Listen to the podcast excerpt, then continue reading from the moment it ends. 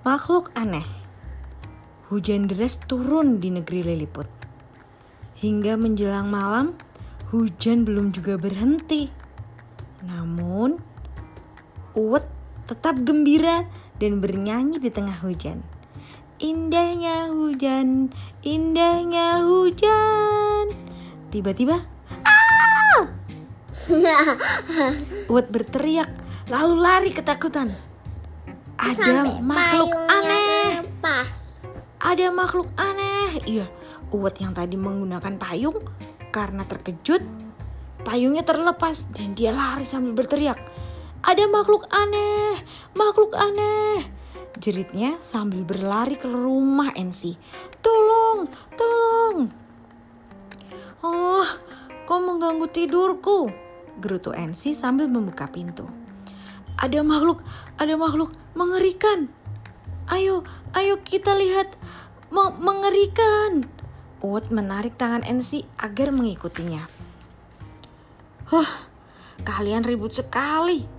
Engine membuka pintu rumahnya. Rupanya suara Uwet dan Ensi terdengar olehnya.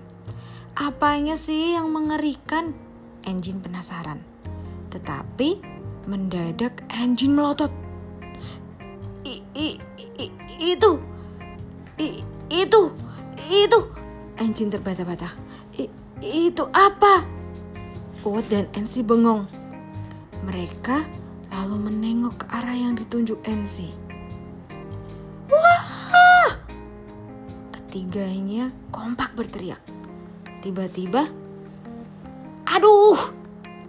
Kalian bertiga liliput paling cerewet yang pernah aku temui. Kata makhluk mengerikan itu. Ternyata Makhluk itu lalu membuka kulitnya. Beri mawar! Ketiga liliput pohon berseru kompak. Tadi aku kehujanan. Untung Kevo lewat. Pakai plastik hitam ini, kata peri mawar. Aku kesepian di gua dan ingin main ke rumah kalian. Karena tidak punya payung, aku pakai plastik ini saja. Kevo menjelaskan.